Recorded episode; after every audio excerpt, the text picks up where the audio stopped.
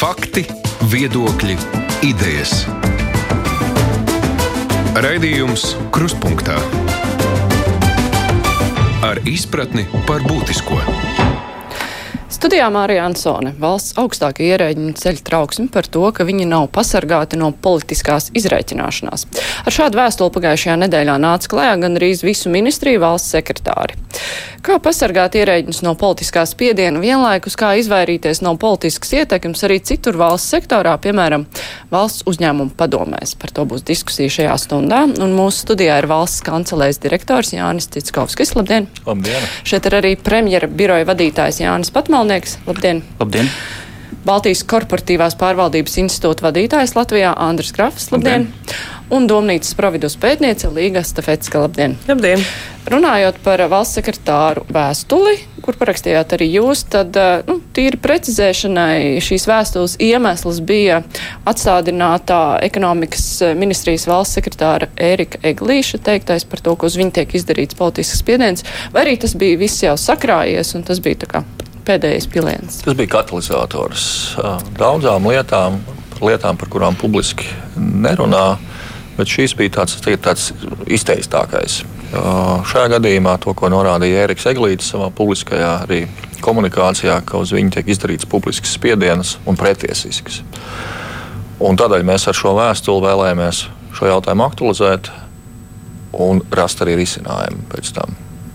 Kā premjerministrs um, raugās uz to, kā ir attīstījusies situācija arī tālāk? Jo, uh, ja pirms tam uh, ekonomikas ministrs gribēja Erika Eglītu rotēt uz uh, centrālās statistikas pārvaldi, tagad viņš vēršas policijā saistībā ar OIK atlaižu piešķiršanu, vai patmalniekungs, vai nu, uz to tiek skatīts kā kādu izreikināšanās turpināšanu, konfliktu, vai nu, tad, ko nu teiks tiesības sargājošās iestādes?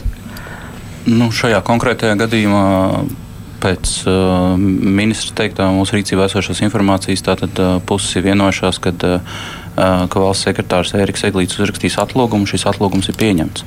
Uh, nu, tas ir uh, tas nu, faktiskā situācija, tas, ka puses uh, vēršās viena pret otru, nu, tā ir drīzāk konflikta eskalācija šajā brīdī. Jo, jo nu, tā situācija, domāju, ka kopumā risinās ar to, ka uh, ir atlūgums un viņš ir pieņemts, un tad uh, vienā brīdī šīs attiecības arī izbeigsies. Uh, tātad uh, valsts sekretāram attiecības ar civildienas šajā gadījumā. Bet, uh, nu, kā jūs vērtētu, labi, mēs zinām šo vienu konkrēto gadījumu, mēs zinām arī valsts sekretāru vēstuli, kas acīm redzot liecina, ka šāda prakse laikam ir regulāra, un tas nav vienīgais, uh, pret ko iebilst arī pret, uh, nu, ne tikai jautājumos par kaut kādu amatpersonu iecelšanu, par iepirkumiem ir izskanējis, ka ir iebildumi, tad, eh, nu, kā jūs vērtētu, tad eh, cik eh, lielā mērā šī sliktā prakse ir izplatījusies? Ja reiz ir nonākts pie nu, tā, ka, ir, ka ierēģi ir vērsušies publiskā vēstulē. Nu, Pirmkārt, jau paldies ierēģiem, ka šī publiskā vēstule ir tapusi, jo tas ir sākums diskusijai par to, ka šāda problēma ir pastāv un viņi arī aktualizēta sabiedrībā. Līdz ar to nu, teiksim, politiskiem lēmējiem ir, ir iespēja šajā brīdī lemt par risinājumiem. Nu, kopumā tā ir diskusija par to, kādā veidā nu, Latvijas valsts pārvalde ir uzbūvēta un kādas ir teiksim, politiķa attiecības ar civildienestu. Mēs zinām, ka citās valstīs šīs civildienas augstākā ierēdniecība mainās līdz ar politiskās vadības maiņu. Piemēram, Lietuva, Polija ir šis gadījums, un spilgts piemērs ir Amerikas Savienotās valsts, bet tāda netrūkst arī Eiropā. Latvijā ir modelis, kurā civildienests ir nu, neatkarīgs. Tajā pašā laikā nu, nepietiekami aizsargāts. Te, ne, neatkarīgs, jā, nepietiekami aizsargāts, jā, bet tajā pašā laikā arī nu, valsts pārvaldes iekārtas likums, ka nosaka, ka ministrijas darbu vada ministrs. Tātad viņš uzņemās visu pilnu politisku atbildību un arī atbildību par to, ko viņš paraksta par dokumentiem, būdams ministrs, kā iecelt iecelta amatpersona, tātad no saimnes puses. Nu jā, par tiem, ir, jūs, mm -hmm, nu, par tiem jūs minētiem variantiem sīkāk un plusiem un mīnusiem mēs runāsim pēc maza brīža vēl par situācijas vērtēšanu. Jautājums ekspertiem. Nu, tagad, kad mēs redzam, ka ir. Uh, nākusi klajā šī vēstule, un mēs esam vērojuši arī, nu, kā notiek attiecības starp ministriem, valsts sekretāriem, nu, tas, kas ir iznācis publiski. Nu, kā jūs novērtētu? Uh, ir slikti vai nu, varbūt ne tik ļoti? Nu, Grafkungs droši vien vispirms. Jā, nu, es domāju, ka to, ko sabiedrība var uzzināt, ir caur šādiem skandāliem un publiskām vēstulēm ka kaut kas nav kārtībā. Un es domāju, ka tie signāli pēdējā laikā parādās ar vien uh, izteiktāki. Un attiecībā uz amatpersonu virzīšanu mēs noteikti varam analizēt, kā ministrs, kurš vada ministriju, sadala šīs kompetences ar valsts sekretāru, kurš ir atbildīgs par kapitāla sabiedrību pārvaldību. Un, un, un šeit un likums skaidri nosaka, ko dara valsts sekretārs, ka tur ministrs nejaucās. Un, un konkrēti Eglīša kunga gadījumā un Latvijas energo padomas gadījumā ir skaidrs, ka šīs robežas ir izzudušas un ka, ka ministrs uh, pieņem lēmumus, par to arī komunicē, ka es esmu pieņēmis lēmumu un es atbildu par savu lēmumu, pēc likuma gara un arī burta šis lēmums ir jāpieņem valsts sekretāram. Līdzīgi par šo amatpersonu iecelšanu arī Citskovska kungs ir publiski izteicies, ka tas nav tikai valsts pārvaldes jautājums, bet arī pašvaldību jautājums. Tās blaknes mēs redzam, piemēram, Rīgas satiksmes gadījumā, kur ir šie politiskie konsultanti un, un, un uzņēmuma vadītājs ir akceptējis šo politisko konsultantu uh, ielikšanu uh, amatos. Un atgriežoties atpakaļ pie valsts pārvaldes, uh, to, ko mēs arī esam redzējuši attiecībā uz Konexus, piemēram, Baltijas gridu uzņēmumu, kur ir uh, iespēja valstī izvirzīt padomus locekli, tur pēkšņi parādās finanšu ministra uh, biroja uh, cilvēks tās pazīmes vai, vai signāli liecina, ka tā ir problēma ka tas arvien biežāk parādās publiskajā telpā, kas liek uzdot jautājumu, kā šo atbildību starp politiķiem un arī lēmumu pieņēmējiem ierēdniecībā sadalīt. Gan aizsardzības mehānismus, bet to, ko es vēl gribu uzsvērt, arī atbildības jautājums pašiem valsts sekretāriem.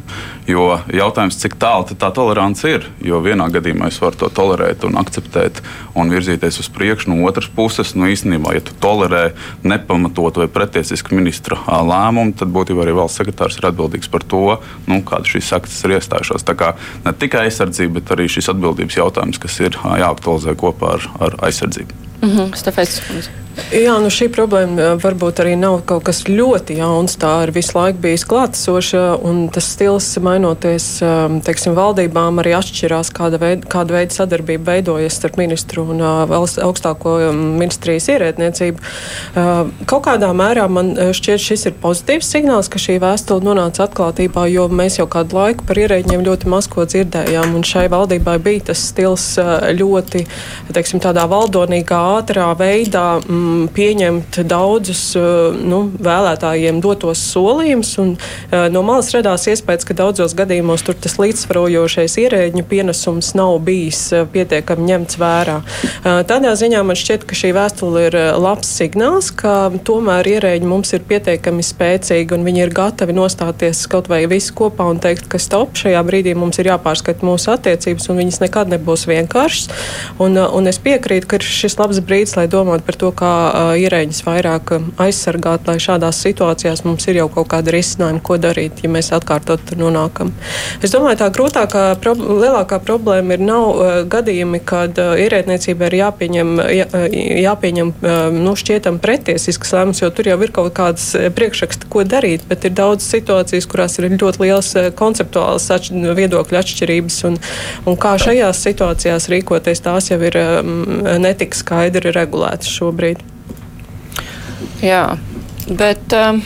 Nu, labi, par šīm te par gadījumiem, ja ir konceptuālās viedokļa atšķirības, kur ir iespējams uh, jāiet tad pēc politiskā lēmuma vai pēc uh, praktiskās liederības izšķiršanās par to, tad mazliet vēlāk, bet šobrīd par uh, to varas sadalījumu. Um, valsts sekretāri jau ir minējuši, ka viņi redz divus variantus. Uh, ir vai nu tas, kā Lietuvā tika minēts, ka viss ir uh, politiskā vadība, ka līdz ar ministriem mainās arī valsts sekretāri, un ir tas Igaunijas variants, kad uh, valsts sekretāri ir, un viņiem ir zināmas uh, garantijas, cik ilgi viņus nevar atlaist, vai arī, ja viņus atlaiž, tad tur ir kaut kādas kompensācijas. Par kādu variantu jūs pats balsot, ja jums būtu tāda iespēja? Es pats personīgi esmu par profesionālo civilu dienestu. Bet, kā jūs jau teicāt, vēstulē mēs piedāvājam abus variantus. Nu, ja jau mēs atklātu vēstuli, tad atklātu vēstuli, noliekam uz galdu, ejam vienu ceļu vai otru. Jo skaidrs, ka politiskā um, augstākās ierēdniecības gadījumā politiskām partijām jābūt spēcīgām kadru kalvēm. Un, ja mums ir divu partiju sistēma, kā Amerikas Savienotās valstīs, tad sadalām visas divās, divās daļās, un nāk viena, nāk nākošie. Bet, ja mums ir daudz mazu un, es teiktu, varbūt ne tik ļoti spēcīgu partiju, es domāju, tās cilvēku kapacitātes ziņā ļoti grūti profesionāli aiz, aizpildīt visus šīs, šos amatus.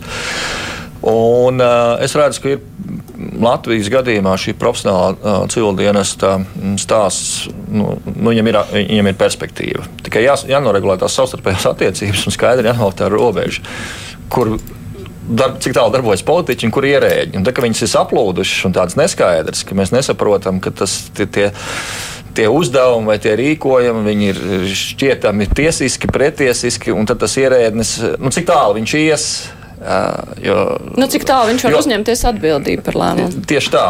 Un, ja ir skaidrs, nu, mēs nevaram bez sadarbības iztikt ikdienas līmenī. Mēs nevaram ne, nekomunicēt savā starpā, jo tikai tad būs tas, tas rezultāts. Politiķis ir atnācis realizēt savu politiku. Skaidrs, viņam ir vēlētāju uzticības mandāts. Un, uh, patīk man tā politika vai nepatīk, es varu kā vēlētājs balsot par vienu vai otru partiju. Mans pienākums kā ierēdnim ir sniegt, sniegt savu ekspertīzi pozitīvie aspekti, negatīvie par katru teiksim, šo politiķu ideju, jebkuru no reformām. Bet lēmumu jau pieņem politiķis. Es varu izteikt savu viedokli, bet gala vārds ir politiķim. Ja man tas profesionāli nav pieņemams, nu tad es, es atstāju šo amatu vai šo dienestu. Bet, ja mēs izējām ārpus šīs politikas veidošanas. Un ir ļoti daudz dažādu praktisku aspektu, ko, jau, ko jūs jau minējāt. Amatpersonu iecelšana, publiskie iepirkumi, vēl citas lietas, kur, kur vienkārši tev nav nekādas rakstiskas rezolūcijas, bet ir mutisks lūgums. Nu, izdara lūdzu šādu lietu. Un tad pie tās mūsu nesakārtotās sistēmas, es domāju, arī atlīdzības sistēma lielā mērā ir, ir, ir, ir jautājums. Ja augstākā līmeņa ierēdniecība lielā mērā ir atkarīga no sava tiešā priekšnieka labvēlības, ja alga, pamata alga ir laba puse no tā, ka, ko, ko, ko reāli beigās saņem savā kontā katru mēnesi, ir piemaksas, ir, ir dažādi šīs brīvostas, kapitāla sabiedrības. Un tikko kā ministrs saka, viss man nepatīk, tu neizpildīji manu, manu uzdevumu, nebūs tev vairs tā brīvost. Ierēdnis ir viegli manipulējams. Nu jā, tad principā, ja, ja mēs paliekam pie profesionālās ierēdniecības, kāda principā mums arī šobrīd ir, tad ir nepieciešams arī to stiprināt ar kaut kādām finanšu garantijām, ka ar valsts ierēdi nevar izrēķināties. Nu, tāda, es teiktu, tāda lielāka neatkarība arī šajā ziņā. Skaidrs, ka ir ir uzdevumi, un ierēdnis atbild arī par dotajiem uzdevumiem, par viņu izpildes termiņiem, par, par savas darbības uh, tiesiskumu, pretiesiskām rīcībām un tā tālāk. Bet nedrīkst tādu nu, ļoti vienkārši manipulējamu situāciju, kad nu, viss vienā dienā man nepatīk, es tev rotēju, vai es tev noņemu šo iespēju sa, sa, saņemt piemēru. Un, un ir praktiski piemēri, kad nu, teiksim, pusgadu jūs dzīvojat bez jebkādām piemaksām. Un tad vietā tas labais padomu teiciens, ka tu pārtikt no vienas algas. Mm. un, un tad, tad ir laika, cik ilgi izturēs? Cik ilgi tu izturēsi? Nu jā, labi. Uh, Patmalniekungs, uh, kas jums vairāk, kura, kura sistēma jums vairāk simpatizē šī politiskā vadība vai profesionālā ierēdniecība vai politiskā? Droši vien tā vienkārši atbilde ir profesionālais civildienests, jo nu, jāskatās uz to, kāda Latvijā ir arī tā politiskā vide un, un partiju sistēma. Mums ir daudz salīdzinoši nelielas partijas ar ļoti lielu kadru mainību. Un, nu, mēs nevaram sagaidīt no tā, kādas viņas ir pašlaik. Varbūt nākotnē tas mainīsies, ka viņas spēs uh, uh, nodrošināt uh, sevi ar kadriem, kas būs spējīgi profesionāli vadīt uh, valsts pārvaldi. Uh, līdz ar to uh, nu, tas esošais modelis visdrīzākais ir, ir jāsaglabā un jāpilnveido. Un, uh, un es gribētu šeit uh, piebilst vēl papildus, ka jautājums jau ne tikai ir par to, nu, kā ministrs rīkojās, bet arī ko viņš var darīt. Teiksim, ja atsevišķās ministrijās joprojām ir nu, daudz šīs kapitāla sabiedrības, mums nav izveidots centralizēts kapitāla sabiedrību pārvaldes modelis, kas atņemtu ministriem tiesības vai iespējas jebkādā veidā ietekmēt nu, teiksim, lielu uzņēmumu pārvaldību. Tas būtu solis uz priekšu. Ja mēs nodalītu funkcijas, ar kurām teiksim, dažas ministrijas saskarās, ka viņas ne tikai veido noteiktu politiku, nezinu, teiksim, enerģētikas politiku, vidas politiku vai informācijas tehnoloģiju politiku, bet arī viņas pieņem administratīvus lēmumus par šīm politikām. Arī tas būtu solis uz priekšu, lai nu, teiksim, izolētu šo politisko ietekmi uz, nu, uz tīri praktiskiem lēmumiem. Un šeit ir, nu, šeit ir ne tikai politiski lēmumi, bet arī administratīvi lēmumi civildienas pusē ir, ir jāpieņem un jāpiedāvā tātad, politikas lēmējiem. Un tad, tādā veidā soli pa solim šo, te, šo te situāciju varētu, varētu pilnveidot un labot. Nu jā, šeit jau izskanēja tas jautājums, cik tālu var sniegties ierēģi neatkarība, ierēģi vara, jo, ja mums ir. Nu, mums tomēr gal galā to politisko lēmumu pieņem ministrs. Viņš ir tas, kurš gal galā pasaka. Un vai nevar būt tā, ka nu, tur sadurās uh, tās, tās zināšanas, tās vēlmes, nu, tā, ka vienkārši nekas nekust uz priekšu. Un ierēdnis var darīt, ko grib, bet um, nu, ministrs beigās pieņem tādu politisko lēmumu. Nu, viņām pēc likuma burta un gara nevajadzētu saskarties, jo teiksim, ierēdniecībai jāstrādā saskaņā ar, ar likumdošanas aktiem. Ja politiķi uzskata, ka kaut kas nav kārtībā ar vienu vai noteiktu otru pieņemt lēmumu, tad ir jāpieņem savādāks lēmums vai nu saimā vai ministra kabinetā, kas atkal ir politiķu uzdevums veikt šo darbu. Līdz ar to nu, teorijā tam, tam tā nevajadzētu notikt. Protams, praksē, ņemot vērā to, ka daļa no politiķiem ir visu laiku jauni, mums ir liela kadru mainība arī saimā. Viņi ir maz pieredzējuši valsts pārvaldē. Līdz ar to viņiem, nu, ja viņi nokļūst šajos amatos, viņiem ir sava veida ilūzija par to, ka nu, viņi tagad var izlēmīgi rīkoties. Nu, kaut gan ir noteikti likuma rāmi, kuros šie lēmumi ir jāpieņem. Un tur arī tas konflikts arī, arī ka, nu, veidojās šajos konkrētajos gadījumos. Bet nu, tad ar likuma rāmu pietiek, lai, piemēram, nezinu, nekompetenta ministra lēmumu varētu apturēt? Nu, tas ir jautājums par politisku atbildību, kas ir nu, nav definējams droši vien likumā, bet to, to jau nosaka vēlētāji, kā viņi vērtē konkrētā ministra rīcību. Nu, šajā un citos gadījumos droši vien tas ir jāvērtē vēlētājiem, vai viņi vēlas balsot par šādiem politiķiem nākotnē. Mm -hmm. Nu, labi nu, turpinot, es droši vien konceptuāli piekrītu, mm. ka, tām, ka tām interesēm nevajadzētu sadurties. Tad ir skaidri noteikts, par kādiem jautājumiem lemj valdība un par kādiem administratīviem jautājumiem lemj valsts sekretārs. Bet atkal atgriežoties pie, pie Latvijas energo padomus stāsta, nu, mēs, varam, mēs varam redzēt, ka tās lomas jau likuma rāmī ir ļoti skaidri noteiktas ko kurš dara. Valdība apstiprina visas procedūras, piemēram, kā tiek atlasīti padomus locekļi, kā tiek aprēķināts dividendes, kāda ir informācijas atklātība. Un tur, nu, teksim, vērtējot no malas, neko jau pārmest nevarētu. Ļoti skaidrs šis lomas sadalījums. Praksē uh, ir redzams, ka tas nedarbojas. Ka ir ministrs, kurš ar savu darbību, nu, liekot nu, rezolūcijas uzdevumus valsts sekretāram, šo nu, apstiprināto un vispār pieņemto kārtību pārkāpj. Un tad ir jautājums, kas šādā brīdī notiek. Jo valsts sekretārs Eglīšs kungs, ko viņš arī publiski ir teicis, ka viņš nevar nepildīt ministra rīkojumus, jo viņš ir tas, kurš vada ministriju. No otras puses ir skaidrs likuma regulējums, ka lēmums pieņem kapitāla turētājs, kas ir valsts sekretārs. Un šeit jau ir tā sadursme, ka, ka pat pie skaidri noteiktas lomu sadalas ir iespējama šī, šī nepamatota politiskā ietekme, ko mēs tagad skaļi varam dēvēt kā tādus pretieciskus uzdevumus attiecībā uz konkrētiem amatpersonām un teiksim, virzīšanu viena uzņēmuma padomē. Bet kā to risināt? Nu, Tas vienkāršākais droši vien solis, un, un šobrīd arī saimā ir atvērts kapitāla pārvaldības likums. Es domāju, ka tas, kas ir, ir skaidri un arī gaiši jāieraksta, ka valsts sekretāram, kā kapitāla turētāju pārstāvim, nav saistoši ministra rīkojumi par tiem jautājumiem, kas ir ekskluzīvā likuma kompetencē jāpieņem valsts sekretāram. No vienas puses tas būtu nu, vēl viens atgādinājums, kur valsts sekretārs var parādīt, nē, nu, kad, kad šis ir tas jautājums, kur es nevaru pildīt šķietami teiksim, leģitīmu rīkojumu. Tā kā to nodefinēt vēl vienu reizi no attiecībā uz valsts uzņēmumu padomēm. Bet tas jau neatrisina visu kopējo situāciju, jo šādas situācijas, procesi, likumi jau ir, ir, ir katram ministrā, katrā ministrijā ļoti daudz normatīvi akti, un katrā vienā jau var nevar ielikt atsevišķu jautājumu, ka par šiem jautājumiem ministram nu, ir, ir tiesības pateikt stop. Nu, jā, bet tas nozīmē, ka likumā vajag kaut kādus aizsardzības mehānismus, kā jau šeit minēja, ka var jau arī finansiāli ietekmēt ierēģi kaut vai noņemot viņam piemaksas.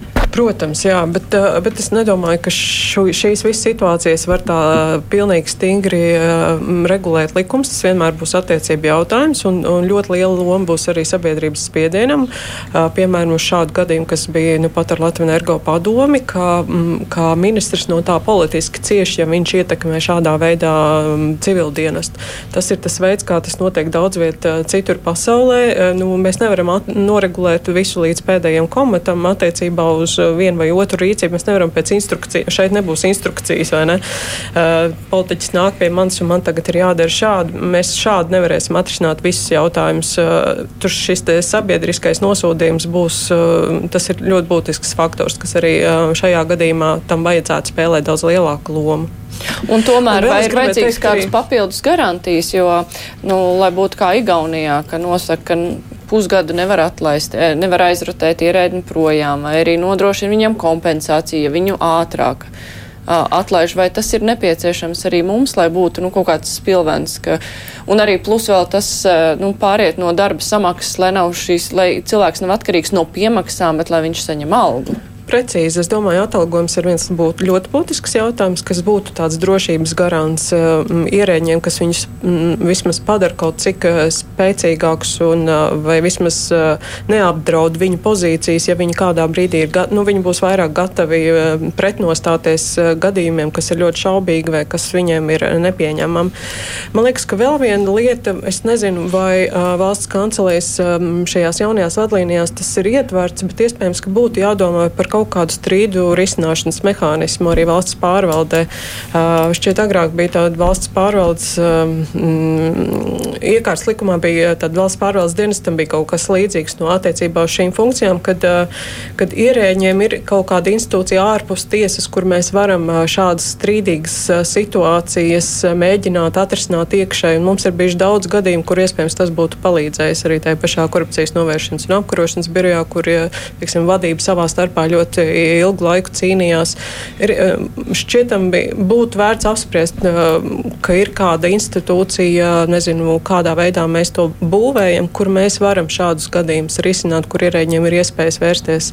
Jo ne visus gadījumus arī, um, kas attiecās uz augstāko ministriju vadību, varētu mm, palīdzēt risināt eh, jaunais trauksmes cēlē likums. Man šķiet, ka šī strīdu risināšanas iespēja mm, varētu druscītiņu nu, to spriedzi attiecībā uz ierēģiem pleciem druscītiņu mazināt komentāri par strīdu risināšanas institūciju. Jā, es piekrītu, ka ideja, ka ārpus sistēmas būtu institūcija vai veidojums, kur risināt, ideja ļoti mm, apspriešanas vērta. Jo pašas sistēmas iekšēnē skaidrs ir kaut kāds pašregulācijas me mehānisms, labi var darboties šis sabiedrības nosodījums kā tāds.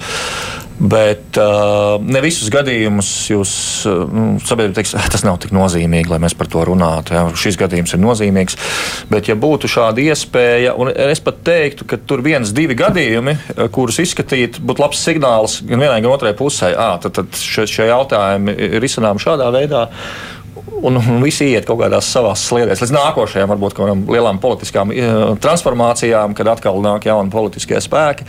Tā ir viena lieta. Vēl viens trešais aspekts, to, ko mēs, mēs organizējām slēgt diskusijas starp uh, ierēdniecību un uh, ministru birojiem kur parādījās tāds aspekts, ka ļoti daudz cilvēku, kas nāk pirmoreiz politikā, viņi principā nepārzina, kā darbojas valsts pārvalde, visas šīs lietas, kad būtu ļoti vērtīgi apmācīt. Nu, šis apmācība jautājums, ka izstāstam principus, pēc kuriem strādā vispār publiskā pārvalde, kāds ir viņa tiesības, pienākumi un, un tādas elementāras lietas. Tas ļaut izvairīties no vienkārši lietām, kur cilvēki dara aiz nezināšanas. Tas ir pirmais. Jā. Otrs, ka viņi dara apzināti kādas, kādas pārkāpumus, bet tādas šāds aspekts. Jā, mums klausītāji raksta, ka viņi ir bijusi liecinieci situācijai, kad iestādes, kuras uzdevums ir uzraudzīt konkrētu jomu, darbinieki ir veikuši milzīgu darbu, konstatējuši pārkāpumus, uzdevuši pārkāpējiem tos izbeigt. Tad pārkāpējs ierodas pie ministra un tam seko rīkojums izbeigt lietu. Vai var iedomāties, kāda ir darba veicēja turpmākā motivācija darīt savu darbu pēc labākās sirdsapziņas? Nu, bet šajā gadījumā tur jādarbojas trauksmes celšanai, ja ir tāda situācija. Jautājums, ja šis lēmums ir pretiesisks, pretējs tiesību normām, jā, tad tā ir trauksmes, trauksmes celšana. Sabiedrības interesēs saļa trauksme. Ja ministrs ir pārņēmis, nu, likums paredz, ka augstākā amatpersona var pārņemt lēmumu, lēmumu pieņemšanu, tad pieņemt zemākas amatpersonas vietā. Ja izmantot šīs tiesības, ir Un, ja tas ir noticis likuma ietvaros, nu, tad, tad ir tā stadija, ka es saku, man ir mans viedoklis, bet uh, ministra, ministram viņš ir pamatots uz, uz tiesību normām. Jā. Nu jā, bet ja mēs runājam arī par ierēģiņa aizsardzību, vai nevar iebraukt otrā grāvī, nu, ka ierēģis kļūst par tādu kā mazo karali un nāk ministrs, un nu, viņš neko nevar izdarīt viņam? Droši vien tam balansam, balansam ir jābūt. Es, es skatītos tādus trīs būtiskus uh, pieturas punktus tādā uh, ciklā, kā valsts sekretārs nokļūst amatā, nu, kas ir atalgojums plus uh, citi amati vai amata savienošana, un kā viņš tiek atsaukts vai, vai, vai rotēts. Ja attiecībā uz šo iecelšanu, tad patiesībā valsts jau nesen ir, ir nokārtojusi, teiksim, sakārtojusi šo, šo procesu, nu, kad valsts kancelēs vadībā tiek organizēta šie centralizētā uh, vadītāja atlase, kur tiek izslēgta iespēja, ka ministrs vienpersoniski virza neksim, kādu savus dombiedrus šajos amatos. Ja mēs runājam par pārējām divām, kas ir atalgojums un amata savienošanu. Un šeit mēs varam skatīties gan uz vairākām ministrijām, satiksmes un finanšu un citām, kur visi vadošie ierēģi, arī departamentu direktori ir kādās valsts uzņēmuma padomēs vai brīvostās. Tā kā skaidrs, ka pamat motivācija ir samaksāt pienācīgu algu salīdzinot ar privāto sektoru. Tā ir svira, nenoliedzami, kas ir ministra rīcībā, pēkšņi nu, mainās attiecības, un es šo, šo amatu noņemu no. Līdz ar to nu, šādai amatu savienošanai nevajadzētu būt ja vien būtu iespēja sakārtot šo atalgojumu politiku un maksāt pienācīgu algu, lai mēs varam piesaistīt profesionāļus. Un beidzamais par atsaukšanu. Privātajā sektorā ļoti skaidri noteikumi. Ja tas ir emocionāls lēmums no akcionāra, kam vienkārši nepatīk nu, šis uzņēmuma vadītājs, es viņu varu nākamajā dienā vai tajā pašā dienā pateikt paldies, nu, paņem savas mantas un dodies, kur nu tu dodies. Bet ir tā saucamais paršūts vai, vai atlaišanas kompensācija, kas, protams, var variēt no naudiskā izteiksmē, nu, vidējā tā tirgus praksa, kas var būt līdz pat sešiem mēnešiem. Tātad, ja man nepatīk, mums nav šī personiskā uh, sadarbība, tad nu, es vienkārši nomainu vadītāju. Tad, tad, Tas ir viens variants, uz kuru uh, var skatīties. Otrs variants par rotāciju, un, un šeit arī ir izskanējusi šī obligātā rotācija, kas arī varbūt ir, ir izskatāms variants, jo, jo, ja mums ir profesionāli ierēģi, tad uh, iespējams ienest jaunas vēsmas arī citā ministrijā. Tas ir ļoti vērtīgs uh, veids, kā atsvaidzināt valsts pārvaldi un tādu ikdienu, no kur šī, šī vadītāja rotācija notiek. Tajā pašā laikā, ja ministri rotē pa ministrijām, uz to parasti viss ļoti kritiski skatās, ja ir universālai ministri. Nu, tā. Nu, jā, viņiem droši vien šajā ziņā varbūt vairāk ir joma jāpārzina. Teiksim, ierēdniecībā ir daudz horizontāli jautājumu, kas viņiem būs, nu, tā rotācija tur varētu būt daudz pamatotāk. Bet atbildot uz to jūsu jautājumu par to, ka varbūt arī tiešām tādas um, asimetriskas situācijas, kur atnāk uh, ministrs un viņam varbūt nav pārāk lielas politiskās ambīcijas un ir ļoti spēcīgs civildienests uh, augstākā ministrijas uh, vadība. Mēs arī šādas situācijas esam redzējuši, kad ministrs ministri diezgan bāli un neredzami, un tad diezgan daudz arī publiski uh, par sektoru jautājumiem runā tieši ierēdniecība. Nu, tā, tāda modeļa var būt, bet es, es um, ar šo diskusiju mēs noteikti neviens negribam pateikt, ka, ka ministriem nevar būt ietekme uz ministriju. Viņiem tādai ir jābūt, viņiem ir jāatnāk ar savu politiskiem mērķiem un, un, un labā sadarbībā ar ierēdniecību ir nu, jāpieņem lēmumi. Tas nav par to, ka ministriem vispār vairs nav nekāda teikšana atnākot uz ministriju, citādi jau situācija var veidoties absurdi. Bet droši vien tas ir jautājums par labu sadarbību, kad no vienas puses politiķi respektē ierēdniecības kompetences, zināšanas, piedāvātos datus, uz kā pamata var pieņemt vienā vai otrā virzienā lēmumus, un savukārt ierēdniecība respektē, teiksim, valdības kopējos uzstādījumus un noteikti nekļūst par kādas partijas, nu, teiksim, apkalpojošo personālu, bet runa ir tiešām par valdības prioritātēm piesmērīja par to apkalpošo personālu. Jā, tas ir tas ierēdniecības lielais izaicinājums. Kā rast pareizo balansu no vienas puses. Uh, saka, nekļūt par apkalpošo personālu partijā, jo tikko kā tu kļūsi iegūst šo statusu, tu iekrāsojies zināmā krāsā un tu saproti, ka nākot nākošajai partijai šajā ministrijā nomainīts. tiks nomainīts. Mm. Tā pašā laikā tu, tu nedrīkst, nu, tavs pienākums ir sadarboties. Jo ierēģi kā tādi, jā, mēs uh, izstrādājam politikas plānošanas dokumentus, bet bez jebkuras mūsu teiksim, iniciatīvas, ja tam nebūs politiskā atbalsta, viņas ir bezvērtīgas. Tas ir kārtējais dokumentu kalns, kurš nogulst kaut kur plauktā.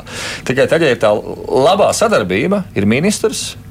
Skaidrs, ka tas sākotnējais moments ir, ir, ir nāk jauns ministrs. Pilnīgi cits skatījums uz, uz daudzām lietām, kuras mēs desmit gadu garumā esam risinājuši pavisam savādāk. Viņš saka, nē, mēs risināsim tas pirmais, nu, kā jebkuras eh, pārmaiņas, tas šoks, es teiktu, ir diezgan liels. Bet tagad, mēs saprotam tos principus, un, un, un ministrs saprot ierēdniecību, tur, pēc kā, mē, kā mēs strādājam, kā mēs izvērtējam dažādas intereses. Mums jāņem vērā ir sabiedrība, jā, līdzdarbība, visas šīs lietas, sabalansēt visu. Tad jau, es domāju, normāla uh, viss tas mehānisms strādā. Nu, jā. bet es gribēju mm -hmm. drusciņi paplašināt. Mēs runājam par ministru, bet uh, tas politiskais uh, slānis ministrijā ir daudz biezāks. Tas ir ministra birojs, kuram arī var būt uh, tas, tas līdz, tajā līdzsvarā. Šis birojs nāk līdzi. Tas nav viens pats ministrs, bet uh, viss politiskais birojs. Tieši tā. Ļoti bieži ir tā, ka ministrs ir visam nevainīgs. bet, uh, Biroja cilvēki vai tā saucamie partiju pelēkie kardināli ir tie, kas spēlē ļoti lielu ietekmi, dažādi teiktu, lobisma, ietekmēšanas stāsti, kas, kas, kas klīst. Nu, bet, jebkurā gadījumā, jā, viņi realizē savu ietekmi, droši vien tāpat caur ministru, kuram ir noteikti tas pilnvars likumā ierakstīts. Tad jau bija runa par to, ka likumā precīzi noteikti, tad, cik tāls sniedzas katra atbildība, pat vēl vairāk precizēt, Absolut. ko jā, kurā brīdī ierēdnis nav ietekmējams, jā, un tad arī šie atalgojumi jautājumi, kas ir jārisina. Bet eh, es vēl gribēju paspēt runāt arī par valsts uzņēmumu padomēm, arī izējot jau no konkrētiem piemēriem, kas mums nesen bijuši atklā, jā, nāca atklātībā. Es tikai atgādināšu, ka mūsu studijā šodien ir valsts kancelēs direktors Jānis Citskovskis, ministru prezidenta biroja vadītājs Jānis Patmalnieks, Baltijas korporatīvās pārvaldības institūta vadītājs Latvijā Andris Grafs un Domnītas providus pētniece Līga Stafetska. Raidījums Krustpunktā. Jā, jūs jau droši vien nojaušat, ka runa ir par eh, Baibu Rūbesu, uh, kurai nu, vajadzēja darboties Stradiņas slimnīcas padomē, bet pēc zinām skandāla uh, viņa atsauca savu dalību tur. Un šajā gadījumā runa bija par to, ka viņa ir politiskās partijas pārstāve. Un, uh, veselības ministre bija solījusi, ka nebūs uh, uzņēmuma padomēs nekādas, ka šīs padomas nebūs uh, politiķu izklaides vietas. Šajā gadījumā, kas bija galvenā problēma? Tas, ka ministra solīja, ka politiķu padomēs nebūs, vai arī, nu, tas, ka jā, ka viņi ir saistīti ar partiju, vai uzņēmumu padomēs nav vietas partiju cilvēkiem, kuri kaut kādā veidā tur darbojās, vai politiķis nevar būt profesionālis. Jā, nu, šeit droši vien ir, ir tas, kas ir, ir jāpasaka. Nu, es pats piedalījos arī šajā veselības ministrijas kapitāla sabiedrību padomu veidošanas atlases komisijā, un veselības ministre, ministre tur klāt nebija stāvējusi. Līdz ar to mums ir jānošķir divas lietas, kas ir politiķu virzīti partiju cilvēki vai domu biedri amatos, vai partiju cilvēki, kas izvēlas startēt konkursos. Un, tas, tas lielais, droši vien, arī izaicinājums pašai nominācijas komisijai, kur ir skaidri nodefinēta kritērija metodoloģija, kā katrs viens šis kandidāts tiek vērtēts. Un kandidātu izslēdz no procesa, ir uh, bažas par, par reputāciju, tad ja šī reputācija nav nevainojama, vai arī attiecīgais kandidāts ir bijis nu, pēdējos 24 mēnešus uh, politiskās partijas amatpersona, tad respektīvi valdes loceklis, ko mēs kā komisija varam pārbaudīt uh, reģistros. Amatpersona skaitās tikai valdes loceklis. Tur nevar būt visādās revīzijas komisijās un tādās vietās. Šī ir droši vien tā, tā debata, kur likuma norma nav pietiekami skaidra, jo, jo virzot šo likumu, vismaz tās diskusijas, kas bija saimnes komisijā, ka tas ir partijas amatpersona, kas ir valdes loceklis, ko var pārbaudīt reģistros, bet mums ir arī citas amatpersonas, kas ir precīzi vai identiskā veidā ievēlētas kā revīzijas komitejas locekļi, kas ir šajā gadījumā Rubes skundze, kur biedri ievēl un, protams, ir noteikti statūtos funkcijas, ko attiecīgi revīzijas komisija ir jādara. Līdz ar to šeit ir arī, protams, interpretācija par to, ko šī norma ietver. Un vērtējot atlasē visus kandidātus pēc vienotiem kritērijiem, tad nav pamata izslēgt no, no procesa cilvēku kandidātu, kas atbilst nu, šiem, šiem kritērijiem, ko arī personāla atlases kompānija padziļinātā kompetenci vērtēšanā ir atnesusi rezultātu, kas ir ļoti augsts, arī salīdzinot ar, ar citiem kandidātiem. Tikai tā iemesla dēļ, ka šī persona ir publiska, nu, ka ir kandidāts vēlēšanās vai ir partijas biedrs. Un tāpat es jau ir, ir ļoti nepieciešama diskusija. Nu, gan, gan šeit, gan sabiedrībā, kā mēs rīkojamies. Jo tās situācijas var būt ļoti dažādas. Nu, mums ir Rubes kundzes piemērs mums ir satiksmes ministrijas valsts sektora atlasē, kur arī daļa partijas biedra kartes netika apstiprināts. Tagad izskrēja no galvas Žitkovs. Kungs Tā kā šis nav noregulēts, un, un tā vienošanās vajadzētu būt. Mans redzējums ir tāds, ka politiskas amatpersonas nedrīkstētu startēt uz šādiem konkursiem. Tas nozīmē, ka ir ministri, parlamentārie sekretāri, ministru biroju pārstāvi šajā termiņā, kas ir 24 mēneši, bet mēs nevaram izslēgt partijas biedrus, nu, kur ir kvalificēti, kompetenti un vienādā veidā sacenšas ar citiem kandidātiem šajā atlases procesā. Bet šeit jau nebija runa tikai par biedriem. Tur jau bija prasība, ka viņi ieņem kaut kādu būtiskāku lomu politiskajā partijā.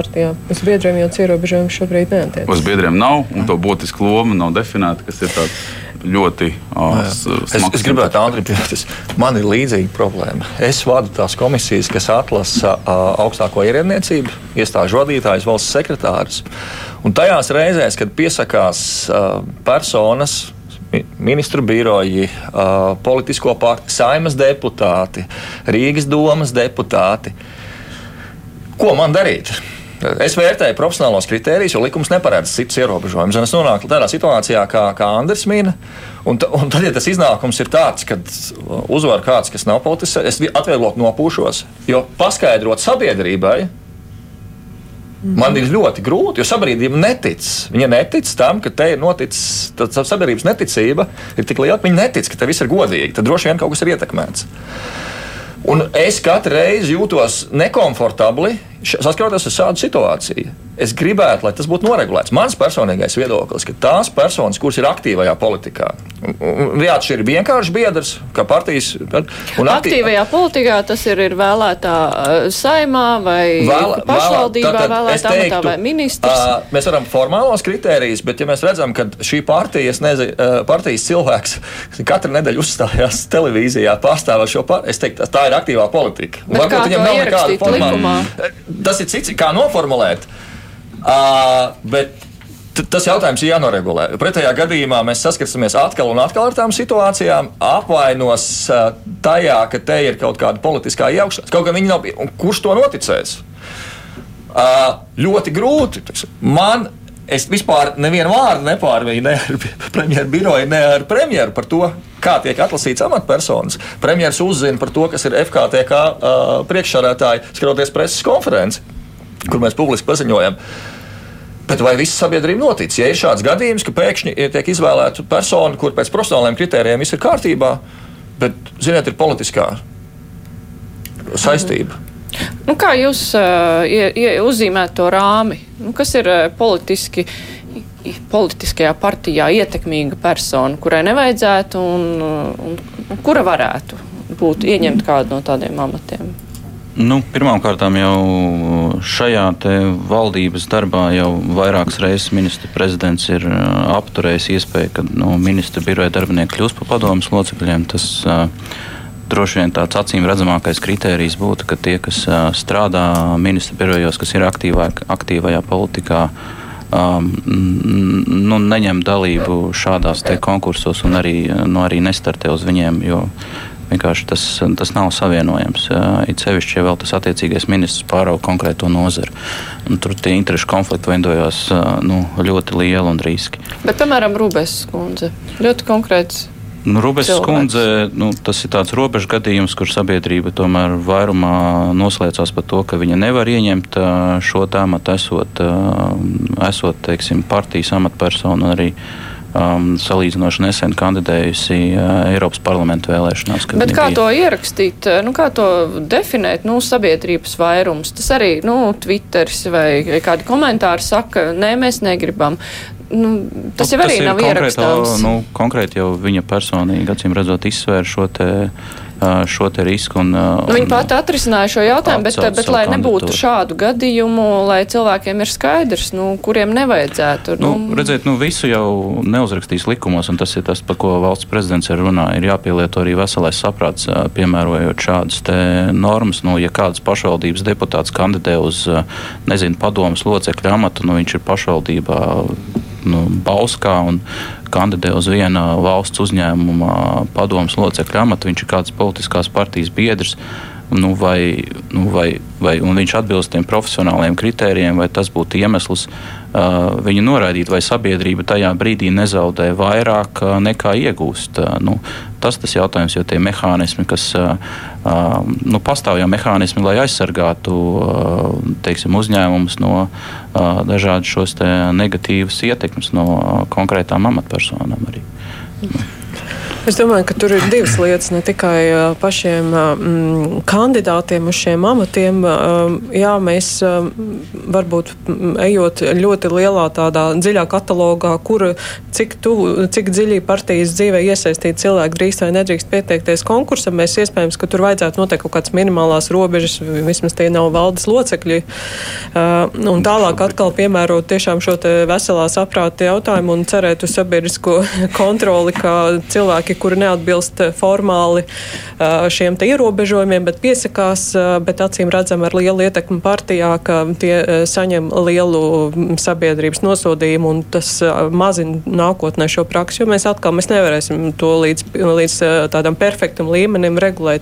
Bet otra lieta ir paši konkursi un konkursu komisijas, un tas jau arī ir iemesls, kāpēc mēs esam nonākuši līdz šai diskusijai. Ja mēs ticētu šim procesam, ja mēs ticētu politiķiem, mums būtu gluži vienalga, ar kādu partijas biedru karti nāk cilvēki kandidēt. Mums būtu svarīgi redzēt, ka tie ir labi profesionāļi pat, ja viņi pārstāv partiju, kas mums uh, ideoloģiski šķiet nepieņemama, bet mēs neapšaubām viņa profesionalitāti.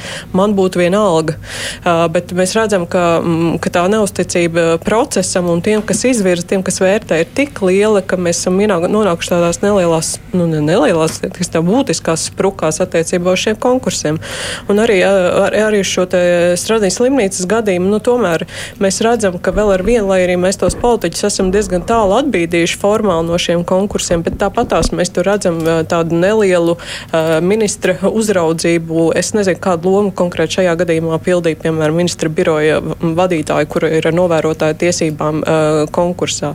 Iespējams, ka viņai nebija nekādas ietekmes uz rezultātu, bet tomēr šī klātbūtne parāda, ka nu, tā, tā politiskā uzraudzība pār šo procesu pastāv. Un tādu gadījumu ir, es neesmu sekojis līdz varbūt pēdējā gada vai divu gadu laikā attiecībā uz konkursiem, bet uh, veicot savulaik vienu nelielu pētījumu par uh, situāciju uz kapitāla sabiedrību padomju mm, nominācijas komisijām, varēja redzēt, ka tur tomēr tā ministrija klātbūtne ir ļoti liela mm, tajā komisijas sastāvā. Bet uh, šajā Jā, gadījumā, šajā gadījumā bija jūtama ministrijas klātbūtne? Absolūti, absolūti nē. Es domāju, arī, ja mēs skatāmies komisijas sastāvu, tur bija Tele2 valdes priekšētātājs piedalījās. Bija veselības centra četri vadītājs bija aizsaldnieks kundze, kas ir ārstu biedrības vadītāja. Līdz ar to šie neatkarīgie vērtētāji procesā bija vairākums. Un, un tāpēc jau arī uh, droši vien ir tas lielais izaicinājums, ka mēs vienojamies, ka mēs visus vērtējam pēc vienādiem kritērijiem. Un, un, ja kandidāts pats izvēlas pieteikties, mums nav pamata viņu izslēgt, tāpēc ka viņš ir nu, saistīts vai nesaistīts kandidējas vēlēšanās vai nav kandidējis vēlēšanās. Vienīgais, ko mēs izdarījām, un ko es arī pats personiski rakstīju arī valsts sekretārai. Uh, ziņojumu par to, ka ir ļoti liela riski, ja attiecīgā persona tiks apstiprināta attiecīgajā amatā. Un to, ko mēs redzējām, kad šī informācija noplūda un lēmums vēl nebija pieņemts nu, par, par Stradiņas slimnīcas padomu sastāvu, tad attiecīgi šie riski absolūti pilnā plaukumā arī piepildījās. Nu, kāds bija šis sabiedrības viedoklis par, par, par to, kā atbildīgā ministra un partijas biedrs atkal kārtējo reizi nokļūst amatā. Tā kā šeit ir atkal šīs divas puses, un tas, kas man ir tiešām aicinājums. Šo skaidri, nu, šo spēles noteikumus noteikt. Piemēram, varbūt ir izcinājums, ka, ja kandidē, tad jānoliek biedra status partijā. Nu, kas vismaz noņem šo, šo formālo lietu. Vai ja kandidāti, ministra biroja cilvēki ir, ir ne, nedrīkst piedalīties ne štata, ne ārštata, bet lai skaidrs spēles noteikumi. Jo, jo es piekrītu, ka mēs atgriezīsimies atkal un atkal. Un, un, un, un ja cilvēks ir profesionāls un nevar izslēgt daļu nevainojamas reputācijas, komisijai nav pamata nevirzīt tālākus priekšlēmumu pieņemšanai. Nu, viena no Latvijas uh, hroniskajām politiskās sistēmas problēmām ir mazās partiju biedru skaits. Uh, uh, līdz ar to tās kļūst par šauriem klubiem. Nu, šeit mēs diskutējam faktiski par to, kā viņus ierobežot vēl vairāk tos cilvēkus, kuri būtu uh, griboši izmantot savus satversmes noteikts, satversmē noteiktās tiesības, teiksim, apvienoties biedrībās un interesēt, realizēt savus, savus intereses. Nu, nu, manuprāt, tas, tas vienā brīdī tas var kļūt jau, jau arī nedaudz par daudz, jo tādā veidā mēs no vienas puses sakam, ka partijas ir mazas, vājas, viņām nav kadru, ko virzīt uz atbildīgiem amatiem, nepārzina valsts pārvaldi. No otras puses, mēs sakām, jūs esat partijas biedrs, jums nav, nav ko darīt valsts pārvaldē. Nu, tad, tad kurā, kurā, brīdī, kurā brīdī mēs varam pateikt tam cilvēkam, kad nu, viņš var turpināt strādāt, vai, vai viņš var meklēt darbu privātajā Vai tas sektorā. ir jebkā pretrunā ar to, ko teica Grafa kungs? Ja viņš jau ieteica, ka noteiktas šobrīd esošas amatpersonas, nu, vai, vai no, tie, tie cilvēki, kur ieņem noteiktus amats partijā šobrīd, nevis vienkārši partijas biedri. Respektīvi, ka to ierobežojumu ieņemt amatus eh, valsts uzņēmuma padomēs, ka strikti pasaka, ka tas nevar būt tas, tas, tas, tas, bet tālāk neejam un neatkarīgi no tā, vai viņam ir tā partijas biedra karta vai nav. Es, es, es teiktu, tieši tā, jo nu, mēs paskatāmies to pašu mm. Žitko kungu gadījumu. Tajā brīdī, kad mēs viņu intervējām, viņš bija valdes loceklis partijā. Uz jautājumu, e, jā, ja jūs man virzat tālāk, es nolikšu šo mandātu pat likumā nebija nekāda ierobežojuma tajā brīdī, mēs skatāmies no formālajiem kritērijiem. Mēs ļoti labi saprotam, ka pirmkārt. Uzticība komisijai, nu, vai tas ir Rubēs gadījums. Sakritība, ka viņa un Viņķels kundze ir no vienas. Nu, jūs varat sabiedrībai jebko stāstīt. Tieši Vienkārši sabiedrība mm, netic. netic. Es teiktu, ka šoreiz ir jāupurē par labu sabiedrības uzticībai, uzticēšanās tam, tam stāstam. Kaut kādi ierobežojumi ir jāieliek. Es pat teiktu, nu, tāds aicinājums būtu tiešām pašiem kandidātiem nepieteikties uz, uz, uz, uz, uz, uz tiem amatiem, kur uh, augstākais politiskais vadītājs ir tās pašas partijas. Jo sabiedrība vienkārši, mēs arī bez kuras cilvēkus nolikt. Es nezinu, kāda komisija, neviens neticēs, ka tur nav politiskā iejaukšanās. Bet, ja mēs to attīstām, ja Rubens kundze kandidātu uz jebkuru satiksmes ministrijas vai finanšu ministrijas turējumu esošu kapitāla sabiedrības padomu, vai tas būtu pieņemami?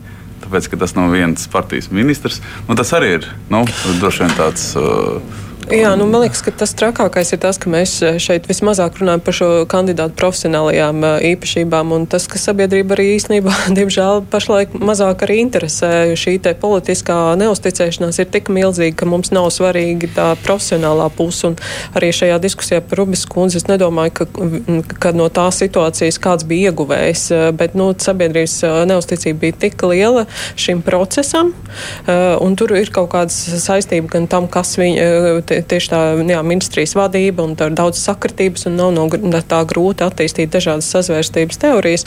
Bet, nu, diemžēl mēs esam tādā, ar tādu bagāžu attiecībā uz kapitāla sabiedrību pārvaldību nonākuši, ka mums šis faktors šobrīd ir ļoti lielā mērā jārisina. Bet, domāju, uzsveram ir jābūt uz komisiju, lai mēs ticētu tai komisijai atlases. Jo mēs to biedra iesaistas līmeni partijā, man liekas, tā, tā būtu ļoti stipra pārregulācija. Mēs vienkārši demonizējam partijas kā kaut ko ļaunu un tiešām atraidam jebkādus profesionāļus kādreiz iesaistīties politiskajās partijās, jo viņi vienkārši ļoti riskē tālāk nākotnē ar savu karjeru. Nu jā, šeit ir tas aburtais aplis. No vienas puses sabiedrība neusticās partijām, tāpēc, ka tās partijas tie ir tie viņi, un otrs puses šī pati sabiedrība negribēs iet partijās, jo tāpēc, ka viņiem tiks apcirstas Precīzi, kaut kādas jā. iespējas. Nu, profesionālās iespējas, un nu, tur droši vien tas tā mēraukla varētu būt nu, tieši tā, ka ir, kan, ir nu, es nezinu, vai kandidēs, teiksim, jo 60 Um, Rīgas domas deputātu kandidātiem, kas tagad kandidēs no visām partijām. Tur diezgan liels cilvēku skaits sanāk, tagad, kas būs uh, 25. aprīlī visdrīzākais startēs. Uh, bet, nu, tas, ka ir bijis, jā, uh, ir bijis uh, amatpersona uh, partijā, valdē vai, uh, vai kādā citā vēlētā amatā konkr no konkrētās organizācijas, tas jau tas būtu skaidrs kritērijs. Jā. Jo es negribētu, ka tagad mēs teiksim, visus cilvēkus, kas ir vēlēšana sarakstā, automātiski izslēgt. Nu, tas, manuprāt, ir pārspīlējums. Ļoti bieži tas ir tas stāsts par profesionāļiem. Partijas uzrunā, vai jūs nebūtu gatavs kandidēt mūsu vēlēšana sarakstā. Nu, jā, esmu gatavs kā profesionāls. Un tad, tad man visa dzīve ir beigusies. Nē, bet ja esmu aktīvs, kā es teicu, es kaut kādā katru, uh, katru nedēļu esmu televīzijā un uzstājos un paužu savus politiskos uzskatus. Man nav nekāda formāla amata, es esmu aktīvs. Un es varu būt, uh, varbūt, nezinu, formāli kādā amatā, bet mm, bez nekādas tādas ietekmes.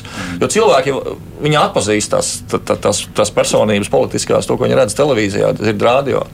Nu jā, bet tas tā izēja varētu būt nu, pēc iespējas nu, nepārprecizējot, bet nu, mēģināt tad iezīmēt kaut kādu rāmi tad, attiecībā uz politiskiem cilvēkiem, kuri var, kuri nevar, un tad maksimāli šos konkursus tajā skaitā arī vērtētājs nu, parādīt atklāti, lai cilvēki saprotu, kurš vērtē un kāda ir. Nu, pa, pa veselības šīm padomus atlases, es domāju, ka komisijas sastāvs bija uh, neatkarīgajā vairākumā. Iznākums izcils, piemēram, bērnu slimnīca ar, ar, ar Helsinku, bērnu slimnīcas šefs, kurš, kurš piekrita šo veselības aprūpas profilu startēt un arī iegūt šo pozīciju.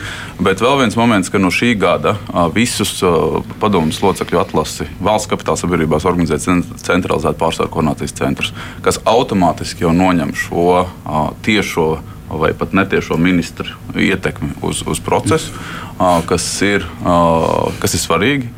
Un, un, jo iepriekš nu, katra ministrija vada šo procesu tā, kā uzskata par pareizi, tad, tad centralizējot, mēs noņemam vismaz šo šo elementu nost. Nu jā, mēs redzēsim, kā šīs pārmaiņas, mums laiks ir beidzies, kā šīs pārmaiņas ietekmēs konkursus turpmāk, vai būs vēl šādi skandāli, kā bija parādījās pēdējā laikā. Es saku paldies. Mūsu studijā šodien bija Jānis Citskovskis, valsts kancelēs direktors, Jānis Patmalnieks, premjera biroja vadītājs, Andris Grāfs, Baltijas korporatīvās pārvaldības institūta vadītājs Latvijā un Līga Stafetska, domnīcas providus pētniece. Rīt kruspunktā par nodokļiem būs noteikti daudz jārunā un arī citām lietām, jo mūsu studijā būs finanšu ministrs Jānis Rērs, viņu iztaujāsim. Redījuma producēja Junām, studijā bija Mārija Ansone.